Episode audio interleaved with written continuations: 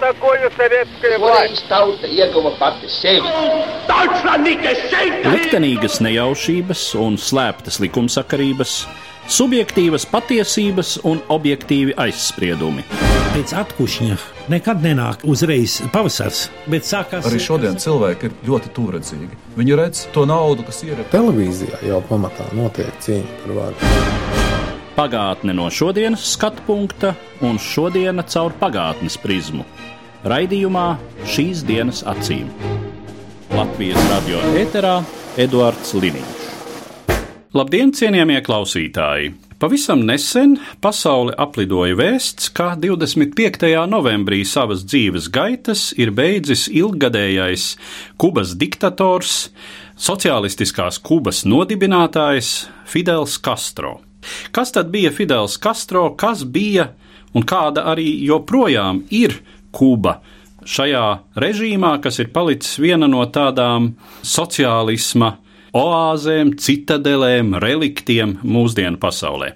Mani sarunbiedri šodien studijā mākslas zinātniece, Latvijas laikmatīgās mākslas centra vadītāja Solvita Krese, labdien! Labdien! Un vēsturnieks Edgars Engīzers, labdien! Labdien. Varbūt vispirms paskatīsimies uz to situāciju, kādā Fidels Castro pagājušā gadsimta 50. gadu beigās nāk pie varas Kubā. Kas ir tas režīms, kuru pirms viņa Kubā komandē ģenerālis Batista? Kāds tas izskatās tā laika Latīņa Amerikas, uzreiz jāsaka, diktatūru kontekstā? No vienas puses ir jāsaka, pats Batista ir gan vēlēts, gan nevēlēts prezidents, jo iepriekš 40. gadā viņš ir bijis Kubas prezidents, uzvarējis vēlēšanas, un pēc tam nākamajā ciklā zaudējis vēlēšanas tam pašam kandidātam, ar ko viņš bija sacenties, un pēc tam jau veids valsts apvērsumu. Kubā mainās vairāk režīmu šajā laikā, un viena no tādām atslēgas lietām ir, kāda šīs režīmam ir attiecības ar pasaules lielvarām, jo sevišķi ar Amerikas Savienoto valstīm ņemot vērā Kubas ekonomiku, Kubas ekonomiskās problēmas, kas ir vēsturiski veidojušās un kas nav tikai 20. gadsimta otrās puses fenomens. Tad jāsaka, ka šīs režīms izveidojās pietiekami nacionālistisks, pietiekami labējs, kas arī kļūst par galveno klupšanas akmeni attiecībās ar sociālistiem, attiecībās arī ar nākamajiem revolucionāriem studentiem tajā laikā. Kūbas revolūcija jau izaug no tās pašas kreisās studentu kustības, kas tajā laikā aptver visu pasauli. Un arī Fidela Castro kustība tā laika Kubā pamatā saistīta ar studējošo jaunatni un ar neapmierinātību ar pastāvošo iekārtu, un pat uh, neatkarīgi no tā, kāda šī iekārta bija. Tāpat var arī pieminēt to, ka Kubas revolūcija par sociālistisku tika pasludināta tikai tad, kad viņa jau bija beigusies. 59. gadā. Līdz ar to gan Fidela Castro, gan viņa līdzgaitnieku tēls, kā sociālistisko cīnītāju, Kubas tautas sociālistiskās, vēlāk arī komunistiskās ideoloģijas nesēju, viņa tēls tiek konstruēts vēlāk. Sākotnēji viņi ir tieši tādi paši revolucionāri kā citos Latvijas reģionos, un jāsaka, ka nemieri pret valdību ir ārkārtīgi plaši izplatīti parādība šajā reģionā ne tikai 50. un 60. gadu kontekstā. Laikam jau tomēr izšķirošais vai katrā ziņā ļoti būtisks ir agrārais jautājums, un revolūcija tā īsti uzliesmo un pieņems spēkā tajā brīdī, kad revolucionāri apsola tā sacīt zemi zemniekiem. Man šķiet, ka daudz būtiskāks ir nabadzības jautājums, jo pamatā jau tie cilvēki, kas pievienojās revolucionārai kustībai tās pirmsākumos, viņi ir ne tikai zemnieki, bet tie ir trūcīgie zemnieki kas Kubā ir lielākā daļa, protams, tas arī kļūst par šo zinulu un ļauj, piemēram, arī pievilināt karavīrus. Jo sākotnēji arī karavīri pievienojās revolucionārai kustībai, kas sākums tādējā deva ārkārtīgi nozīmīgu tieši šo militāro komponentu, jo revolūcija aizsāka 82 cilvēki iebraukuši vecā kuģī no kaut kurienes, kas ar cīņām sasniedz augstkalni, varēja nostiprināties tīri geogrāfiski pret armijas pārsvaru un pakāpeniski gadu laikā šī kustība izauga par partizānu kustību, kurā iesaistījās vietēji iedzīvotāji. Turklāt tieši šīs sākotnējās cīņas un šie sākotnēji daži desmiti cilvēki, kas pievienojās pakāpeniski, bija tas galvenais veids, kāpēc tā ideja vispār spēja izdzīvot tajos kalnos. Un vietēju iedzīvotāju atbalsts dumpiniekiem arī veidojies vēsturiski gan pirms, gan pēc 28. jūlija kustības, ko Fidels Castro izveidoja jau ārpus Kubas esot. Tātad, vēlreiz precizējot, 26. jūlija kustība, cik tā lielā mērā bija marksistiska? 26. jūlija kustība ir idejiska grupa, ko Fidels Castro izveidoja, atbalstot trimdā devušos prezidentu. Un Fidels pats varbūt bija marksistisks ievērojami agrāk, un viņa brālis ir komunistiski noskaņots jau krietni pirms Fidela bijis Rauls bet uh, viņa līdzgaitnieki bija daudz mērenāki. Un 26. Uh, jūlija kustības laikā, vērojot vāras reakciju uz tā laika demokrātiju, Kubā apvērsumu un labējo politiku pēc apvērsuma, šī kustība pat radikalizējās, kļuva marksistiskāka, šeit varētu likt lielāku uzsvaru tieši uz marksismu-ļeņinismu idejām, kas tajā laikā ienāca. Protams, ļoti atšķirīga no, no Padomju Savienības, un Fidels Kastros sabiedrojās tikai pēc 61. gada faktiski. Cik es saprotu, tas ir sinhrons process, kad Kubā uzvarējusi revolūcija arvien vairāk nosveras sociālistiskās izvēles virzienā, tātad tās pieejas kļūst ar vien tradicionālam šim bolševistiskajam modelim, tuvas ar rūpniecības uzņēmumu vienlaidus nacionalizāciju, ar ārvalstu kapitālam piedarošu īpašumu nacionalizāciju, un tad jau arī attiecīgi nu, zemes reforma, jā, ar lielāku zemes īpašumu sadalīšanu un tā tālāk. Un tā tālāk. Un, protams, notiek arī šī draudzēšanās ar Padomju Savienību, kas Kubai ir ļoti Problemātiska, tāpēc, ka Kuba vienmēr ir, runājot 20. gadsimtā ierastā ģeopolitiskajā valodā, dabiska Savienoto valstu interešu sfēra. Kuba atrodas ļoti tuvu Amerikas Savienotām valstīm. Bet uh, runājot par šo sociālistisko izvēli, vajadzētu atcerēties to, ka visas Latīņamerikas neatkarības iegūšana ir balstīta kreisās idejās. Un šīs kreisās idejas tur valda jau kopš 19. gadsimta arī pašas Kubas nacionālais varonis Jose Martī un, un daudz citi, kas principā ir kreisās ideoloģijas paudēji, tiesa gan ne marksisti. Otrs ir, ka šie 60. gadi, 59. gads, kad noslēdzās Kubas revolūcija, ir ārkārtīgi svarīgi arī pasaules vēsturē kā dekolonizācijas laiks. Un šis dekolonizācijas vilnis, kurš aizskar ļoti daudz Eiropā, Kubā viņš tiek izmantots arī savus propagandas mērķiem, un uh, Kubas, jo sevišķi Castro politika kļūst anti-amerikāniska, uz anti-imperiālisma viļņa, kurš aptver pat visu Eiropu. Un tas arī liek uh, ļoti daudziem Eiropā just zināmas simpātijas pret Castro. Nevelti pasaules popularitāti viņš iegūst uh, nevis tāpēc, ka viņš Kubā veic revolūciju, bet tāpēc, ka viņam ir ļoti plaša intervija The New York Times. Un te mēs varbūt arī pamazām jau varam iesaistīt mūsu sarunā Solvitu, jo Solvita ir pati bijusi Kubā un vērojusi šo Kubas sociālismu joprojām pastāvošo klātienē. Kāds tad izskatās tas sociālisms, kuru Fidels un viņa līdzgaitnieki galu galā Kubā uzbūvē, cik tas ir līdzīgs tam, ko mēs daži vēl atceramies no padomju laika Es mēģināšu atbildēt, jo laikam tas jautājums, cik mēs atceramies no padomu laika, varētu būt vairāk vērsts manā virzienā, jo tiešām man ir bijusi īstenībā tāda laimīga sagadīšanās, ka man ir bijis iespēja dzīvot šajos divos laikos, gan padomu varas pārņemtajā Latvijā, gan jau tagad brīvā valstī, un tā kā ir ar ko salīdzināt. Es apskatījos, kad tad es esmu bijusi Kubā, un izrādās tas ir astoņus gadus atpakaļ, un es pat biju pārsteigta tas tik ilgu laiku atpakaļ, un tas bija interesanti tieši mēnesi pirms Rauls Kastro nāca pie varas. Un tad šo mēnesi pirms pirmās figūras maiņas varēja just gaisā jau tādas vēsmas, kad sāksies kaut kas brīvāks, atvērtāks, kaut kādas liberālākas izpausmes. Kā tagad es atceros, kad parādījās iespēja cilvēkiem lietot mobilos telefonus tajā laikā, un tas bija īstenībā pirmo reizi. Pirms tam tas bija ļoti limitēts un cenzēts. Toreiz tā situācija bija visai līdzīga laikam, ko es pavadīju valstī, kurā bija šī padomju ideoloģija, jā, šī dubultā morāla, šī izlikšanās, šī izrāda, protams, ka visur pilsētas publiskajā telpā bija pilns ar šiem ideoloģiskiem lozungiem un Čegevaras portreti un arī Castro portreti bija sastopami ganīs katrā laukumā. Un jā, šī nemitīgā ideoloģijas klātbūtne publiskajā telpā kontrastēja tiešām ar to realitāti, ko es tur redzēju apkārt, un ar šo šokējošo nabadzību īstenībā, un ar satikto cilvēku bailēm izteikties un kaut kādā veidā kritizēt šo iekārtu. Visi tēloja, ka viņi ir super laimīgi un priecīgi. Un tie kontrasti visu laiku bija jūtami, bet, nu, dabiski to visu mīkstināja visa šī krāsainā un ļoti efektīgā kubas vide, un dabiski ieraugot visas šīs vecās mašīnas, kas parasti parādās visās fotogrāfijās, ko veidojuši cilvēki, kas ir viesojušies Kubā. Protams, tas ir tāds savu veidu šarms, kaut gan tās pašas mašīnas vienkārši tiešām jūka kopā, jo cilvēkiem nav līdzekļi, lai viņas restaurētu, bet, nu, ir jau bezgal šarmanti braukt tādā taksī, kur tev šoferis lūdzu vienkārši pieturēt durvis ar roku, lai viņas vienkārši neizgāžās un ka turpat nav tā iekšējā apšuvuma.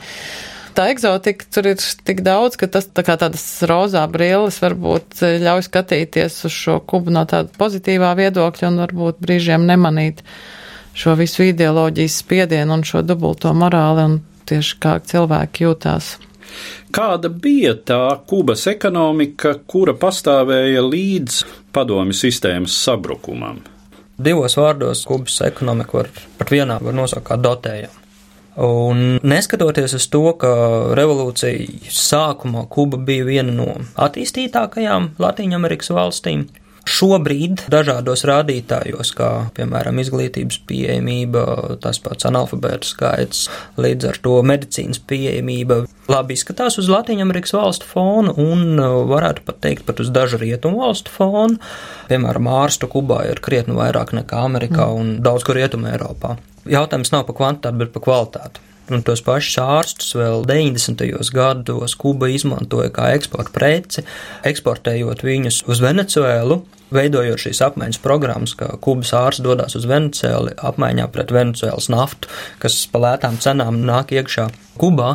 Es teiktu, ka Kubas glābiņš ekonomiskais pēc Padomju Savienības sabrukuma bija Hugo Čaves nākšana pie varas Venecuēlā. Un Hugo Čaves uzskatīja Fidelu Castro kā savu padomu devēju. Fidels Castro savukārt redzēja viņā savu ideju turpinātāju, viņi cieši sadarbojās, sadraudzējās, un Venecuēlē, protams, šī naftas rezerve un naftas ieguve ir pietiekami būtiska.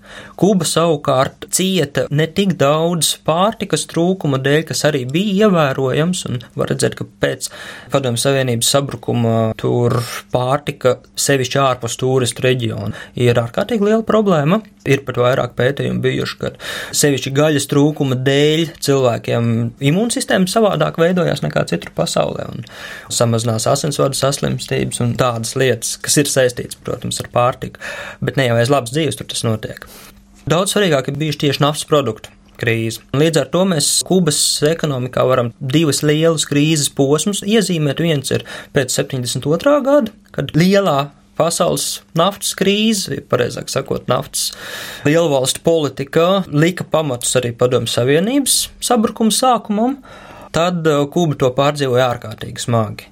Tas ir arī iemesls, kāpēc liela daļa no šiem antīkajiem automobiļiem ir saglabājušies. Viņi mm. nemaz tik daudz netika kustināti šos 60 gadus, jo īsti nebija ko viņiem liet bākā iekšā. Pēc 99. gada var redzēt, ka Kubā nedaudz lietas uzlabojās, nedaudz tiek pievērtas acis uz turismu veicināšanu, uz ārzemju viesu aicināšanu, sevišķi, ja viņi atstāja dolārus Kubas ekonomikā. Tas lielais jautājums arī ir par šo nākotni, jo skaidrs, ka Kubas ekonomika šobrīd varbūt dotē vairāk Ķīna nekā Venecuēla, un tas arī ienāca jau 80. un 90. gadu mijā, kad Ķīnas ekonomiskā palīdzība kļuva arvien nozīmīgāka kas zināmā mērā bija rezultāts Kubas ļoti aktīvai ārpolitikai un jaukšanās visos konfliktos, ko Fidels Castro uzskatīja par sociālistiskas revolūcijas. Vai tā būtu Dienvidamerika, vai tā būtu Āfrika, Kuba sūtīja savus karavīrus pietiekami lielā skaitā, lai viņi pamanītu un lai sociālistiskā bloka valsts ar viņu rēķinātos. Neskatoties pat uz to, ka ekonomiski viņi bija ārkārtīgi vāji un atkarīgi no visām pārējām. Tad eh, sākotnēji padomju Savienība 60. un 70. gados sniedz šo būtiskāko palīdzību, bet tad, kad padomju Savienība pati piedzīvoja krīzi un vēl jau vairāk, kad sabruka, tad to pārņēma Ķīna, pēc tam Venecuēla un Kubas ekonomika balstās uz diezgan šauru luksus preču ražošanu, eksportam. Mēs vien pietiekami daudz esam dzirdējuši gan par rumu, gan par cigāriem, kas zināmā mērā nedaudz raksturo arī šo sociālismu ietekmi uz kubiešu apziņu, jo ir atzīts, ka Kubā ir vieglā dzīves uztvere dēļas, mūzika, laiks, kurš nemaz nerit tik strukturēti, kā viņš rit pie mums, kas priekš ekonomikas, protams, neko labu nenozīmē tika likvidētas vairākos viļņos visas privātā uzņēmēja darbības, sākot ar lielu ārvalstu kapitālu, nacionalizāciju, beidzot 60. un 70. gados arī mazie uzņēmēji tika nacionalizēti un pielīdzināti valsts ienaidniekiem, var teikt, tad uh, tas sagrāva tos Kubas ekonomiskos pamatus, kas viņai bija vēl 40. gadu beigās, jo atceramies, ka otrais pasaules karš viņu neizpostīja. Te vēl ir jāpievēršas mazliet eh, Kubas attiecībām ar Savienotajām valstīm. Mēs zinām, ka šis konsekventais Savienoto valstu embargo tirdzniecībai ar Kubu Kāds ir tas būtiskais iemesls? Vai eh, tā ir eh, Amerikas kapitāla šajā gadījumā jāsaka izsviešana no Kubas nacionalizācijas rezultātā, vai tomēr pamatā runa ir par šīm attiecībām ar Padomju Savienību, kas, kā zināms, vienā brīdī izraisa ļoti nopietnu krīzi attiecībās starp Savienotajām valstīm un Padomju Savienību, un te vai kļūst par kodolkara prelūdiju. Fidel Castro attiecības ar ASV ir ļoti evolucionējušas. Pirms revolūcijas sākuma viņš dodas uz Meksiku, un Amerikas Savienotās valsts atbalsta šī gāztā prezidenta leģitimitāti. Ņemot vērā to, ka Batista arī veids dažādus antiamerikāniskus soļus.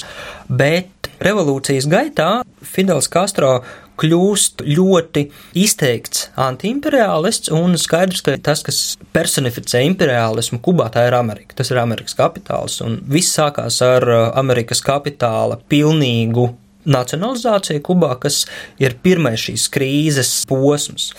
Otrs krīzes posms ir pašas Amerikas Savienoto Valstu rīcība, pietiekami slavenais uh, cūku līča iebrukums, kas ir viens no zināmākajiem arī cipu feileriem. CIP šo misiju izgāz, varētu pat teikt arī PR kampaņas rezultātā, jo, ja sākotnējais iebrukums bija paredzējis gan jūras, gan gaisa atbalstu, tad ņemot vērā, cik ļoti pasaules kreisā sabiedrība pievērst tam uzmanību, tad gaisa atbalsts un gaisa triecieni objektiem Kubā netika doti, un šī misija nespēja tikt realizēta tā, kā viņa tika plānota, ļoti īsā laikā Kubas bruņoties spēki to sakāva.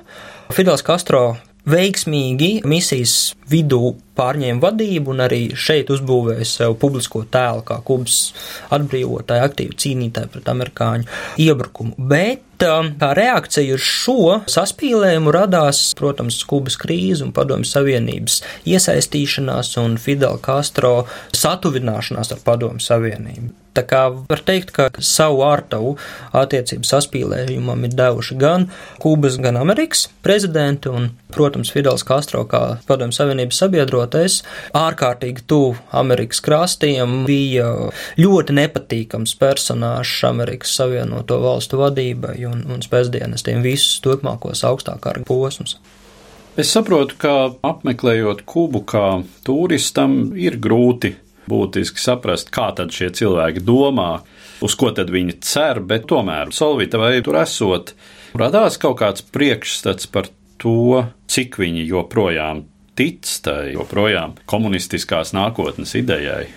Šeit man atkal gribētos vilkt paralēlus ar padomju laiku, kad cilvēki parasti nerunāja to, ko viņi domā publiski, vai nu satiekot svešiniekus, teiksim, turistu šajā gadījumā Tur var caur rindiņām nolasīt, bet parasti tiešām ir tā diezgan tāda liekulīga pozīcija, kurai spīd cauri kaut kāda tie īstenības pavadieni, bet tas viss ir tiešām ietērts šajā bezgalīgajā laika sajūtā, kad laikam nav vērtības un kas arī sasaucās savā ziņā ar padomu laiku, bet nu šeit tas vēl ir, jo krāšņāks, tāpēc, ka ir šī kubiešu mentalitāte, visu laiku ir silts un visu laiku viņi pavada laiku viegli iedzerot un dejojot. Tāda eiforijas sajūta, kas arī tiek projicēta savā ziņā. Nu, redz, mums taču ir labi, nu ko tu vēl prasi? Kad ne tikai lineārais laiks ir ļoti relatīvs, bet arī cikliskais laiks ir visai relatīvs, jo nav īsti tā nav, sezona nomaiņas. Nav sezona un nav arī tā kā kaut kāda perspektīvas, ko tiekties un labāk ir dzīvot tajā šeit un tagad sajūtā un cilvēks staigā pa molekoni, tur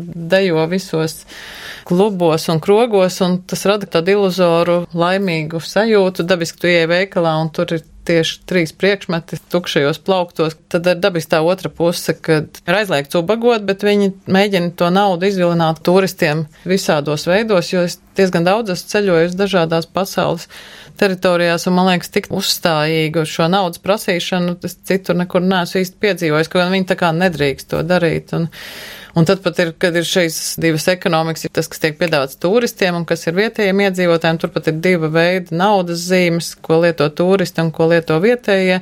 Un arī vietas, kur tu vispār nedrīkst iet kā turists, nu, mēs tur mēģinājām iefiltrēties visur dabiski, kur nedrīkst, bet turismu kustība ir ļoti regulēta un rūpīgi apsvērts, kas tad būtu jāredz šim turistam par šo brīnišķīgo zemi un nedod Dievs, ka viņš iemaldīsies kaut kādā ciematiņā, kur tiešām cilvēkiem nav ko ēst. Šī mazā uzņēmuma uzņēmēja darbība tajā laikā bija diezgan jau tāda klātesoša, jo parasti mēs ēdam šajos saucamajos paladaros, kas ir mājas virtuve, un arī palikām mēs pie cilvēkiem, bet tad arī tas bija ļoti kontrolēts, un cik es nojaušu, tad šiem vietējiem iedzīvotājiem, kur piedāvāja šo servisu, tad viņiem bija rūpīgi jāsaskaņo, un es nezinu, kas tur arī jāziņo atpakaļ. Bet es zinu, piemēram, bija tāda epizode, ka vienkārši mums kaut kādā tiešām ciematiņā kaut kāds vietējais cilvēks vēda kravas kastē, jo viņš nedrīkstēja pārvadāt ārzemniekus, un tad viņa kaimiņš bija tomēr nosūdzējis viņu, un es saprotu, ka viņam tad bija milzu nepatikšanas laikam pēc tam. Un tā kā visu laiku šī dubultā morāla, dubultā spēle, tu redzi to vienu seju un vari tikai nojaust, kas ir aiz tās. Jā, un tas, ko tu saki, arī šis motīvs kaimiņš nosūdzēja. Jā, tad, nu, tas, tas, ko mēs padomu laika žargonā saucām par stučīšanu. Tieši, tieši. Visnotaļ izplatītu. Man šķiet ļoti, ļoti nozīmīgi ir arī tas, ka vairāk kā miljons kubiešu ir aizbraukuši. Vairāk kā miljons kubiešu dzīvo Amerikas Savienotajās valstīs, ieskaitot pat ļoti tuvus Fidel Castro radinieks. Uz Kubas fona tas ir aptuveni 10% no iedzīvotājiem, ņemot vērā to, ka no Kubas ir aizliegts izbraukt. Viņi lielākoties ir mazās bēgļu laiviņās devušies pāri jūrai, un Kubas bruņoties spēki gremdē šīs laiviņas izbarojot haizivīm tos cilvēkus, kas cenšas šķērsot jūru un, un nonākt Miami. Tā sabiedrības uztvere stipri atšķirās no tā, ko mums rāda saulēnos Havanas klubos esošo, un tie reālie dzīvie kubieši cenšas pamest valsti, kaut gan tur ir ārkārtīgi liels grūtības to izdarīt. Es varētu pastāstīt varbūt tieši par mākslas scēnu Kubā, kas savā ziņā atspoguļo arī Kubā notiekošos procesus. Piemēram, Havanas bienāla, kas radās, ja nemaldos, 1984. gadā ļoti īsā laikā no tādas um, Latīņa Amerikas mākslinieku reprezentācijas vietas, kļūst par tādu karsto punktu ar visiem eiropiešiem, nu tieši dēļ šīs nostalģijas vai tādas simpātijas šim socialistiskajam režīmam vai šīm komunistiskajām idejām. Un paradoxāli, ka Kubā, kur eksistē šī cenzūra un arī sabiedrība ir ļoti pakļauta šim ideoloģiskiem ietveram, ka šī Kubas bienāla kļūst tiešām par tādu ļoti populāru mērķi māksliniekiem no visas pasaules, kā jūs teicu, sākotnēji Latvijas Amerikas, pēc tam Āzijas un beigās ar Eiropas māksliniekiem, ka tas ir viens no tādiem interesantākajiem poligoniem, kur ar ļoti ierobežotu budžetu top tādi mākslinieciski eksperimenti un tieši ļoti daudz, kas attīstās tādā politiskā aktīvisma virzienā, kas mākslas scēnā starp šiem lielajiem pasaules notikumiem, šīm bienālēm ir samērā reta parādība. Proti, šī Kubas bienāla ir tāds diezgan unikāls pasākums, kas ļoti augstu kotējās Eiropas mākslas vidē. Bet interesanti, ka tagad tuvinoties attiecībām ar Ameriku, 2015. gads ir pirmais gads, kad tur piedalās arī amerikāņu mākslinieki un arī Bronxas mākslas muzejs veido savu projektu šīs bienāls ietvaros, bet uzreiz redzams, ka pilnīgi mainās tā mākslas scēna, teiksim, no šīs kreisi orientētas kritisko diskursu pārstāvošās bienāls, viņa tuvinās ar tādām mākslas tirgumu, mēs tur pēkšņi redzam visus lielos vārdus, kuri figurē turpat pāri ezeram Miami ārtsfērā par diezgan lielām summām tiek pārdoti.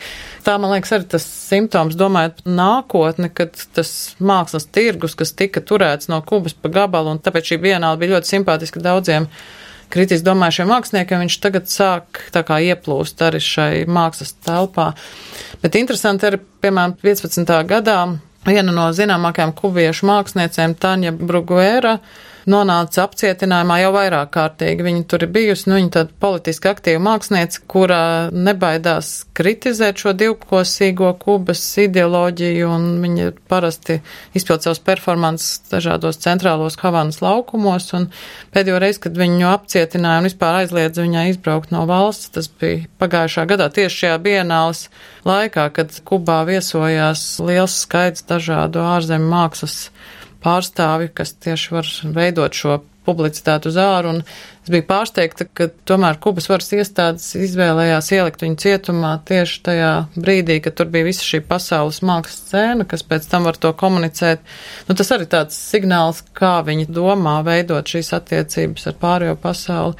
18. gadā ir nākamās vēlēšanas, kas it kā skaitās demokrātiskas, bet skaidrs, ka tur tā vara vienkārši tiek nodota ģimenes ietvarā, un ka viņa ir pasludinājusi, ka viņa grib kandidēt nākamajās vēlēšanās, un viņai ir diezgan liels atbalstītāja loks, bet, nu, protams, šī visa procedūra, kas tur ir nepieciešama, lai nonāktu līdz šai kandidēšanai, man liekas, neļauj viņai to darīt, bet, nu, vismaz ar šo žestu viņa vienkārši mēģina pacelt šo jautājumu. Te varētu piebilst, ka mākslas, kultūras sfēras liberalizācija un sakaru aktivizēšanās ar ārpasauli šai ziņā.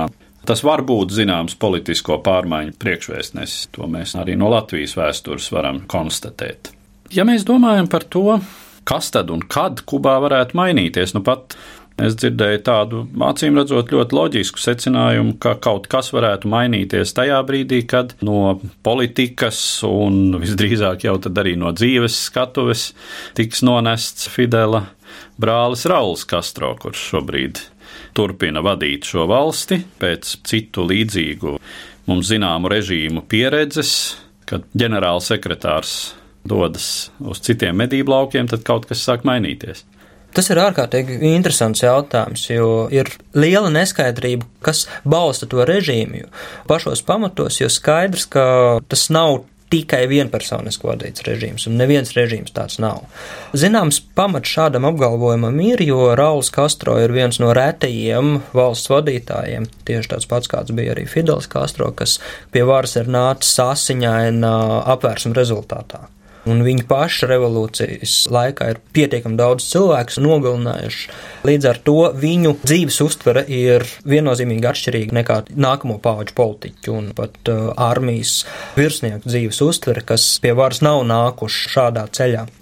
Jautājums par Kubas nākotni ir skaidrs, ka vispārējā neapmierinātība tur ir saglabājusies, un ja viņas politiķi ir pietiekami tālredzīgi, tad viņiem būs jāspēr kaut kādi soļi, lai to mazinātu, jo savādāk nākamā revolūcija ir pietiekami tuvu, un pazīstot latīņu amerikāņus un to pašu Kubas vēsturi, tad jāsaka, ka šīs revolūcijas tur ir bijušas krietni vairāk nekā viena. Un, gatavība ar ieročiem rokā cīnīties par savām tiesībām un brīvībām šajā tautā ir.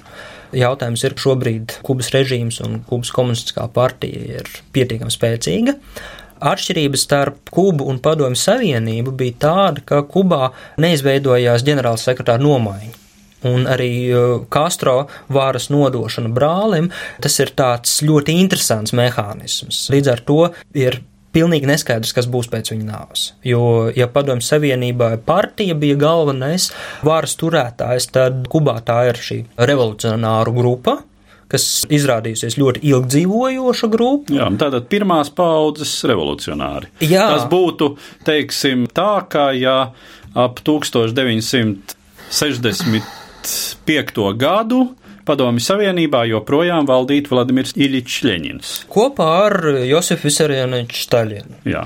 Un varētu pat teikt nevis ap 65. bet, nu, teiksim, uz 85. Skaidrs, ka miera apstākļos, un tad, kad šī vara ir iegūta un nostiprināta, režīms mainās. Skaidrs, ka Kubas režīms ir bijis represīvs, tiesa gan mazākā mērā nekā Staļina padomju savienība bet politiskie ieslodzītie tur ir vēl aizvien. Un cilvēktiesību jautājums ļoti bieži tiek pacelts tajā brīdī, kad starptautiskā arēnā runā par Kubu vispār un par tās iespējamo iekļaušanos tādā, varētu teikt, normālā starptautiskā sabiedrībā, kas acīm redzami būs jādara pēc Raula Castro nāves jebkurai revolūcijai ir sākums, bet uh, viņai arī pienāk gals. Un arī Kubas komunistiskā partija savā stāstā par to, kāda Kubas dzīve ir, ļoti bieži izmanto šo revolucionāro tēmu. Kubā revolūcija ir klātesoša. Un jautājums ir, kas tad būs ar revolūciju, tad, kad beigsies revolucionāri. Es domāju, ka mm. ļoti skaidrs, ka Kubas sabiedrībai būs ļoti strauji, ļoti kardināli jāmainās, un iespējams, ka tas, ņemot vērā arī ekonomiskā situācija, nemaz tik patīkam priekš viņiem nebūs. Visticamākais, ka Kubā kaut kādā mērā liberalizācija būs jāveic. Tad, protams, pavarās riski un iespējas, ka ļoti, ļoti daudz, sevišķi no nabadzīgiem kubiešiem, izvēlēsies doties uz to pašu Miami. Ja ir noteikts skaits cilvēku, kas pamanās izbraukt pie slēgtām robežām, un Kubas gadījumā tas ir milzīgs skaits, tad tie cilvēki, kas to darīs pie atvērtām robežām, varētu būt krietni, krietni vairāk. Ar to tad mēs arī varētu noslēgt mūsu šodienas sarunu, kas bija veltīta aizsaulē aizgājušajam Fidelam Castro, bet vairāk tam režīmam, kuru viņš izveidoja Kubā un kurš tur joprojām zināmā mērā unikāls uz pārējās pasaules fona pastāv. Un es saku paldies maniem sarunbiedriem, mākslas zinātniecei Solvitai Kresei un vēsturniekam Edgaram Engīzeram. Par pagātni sarunājas Eduards Liniņš.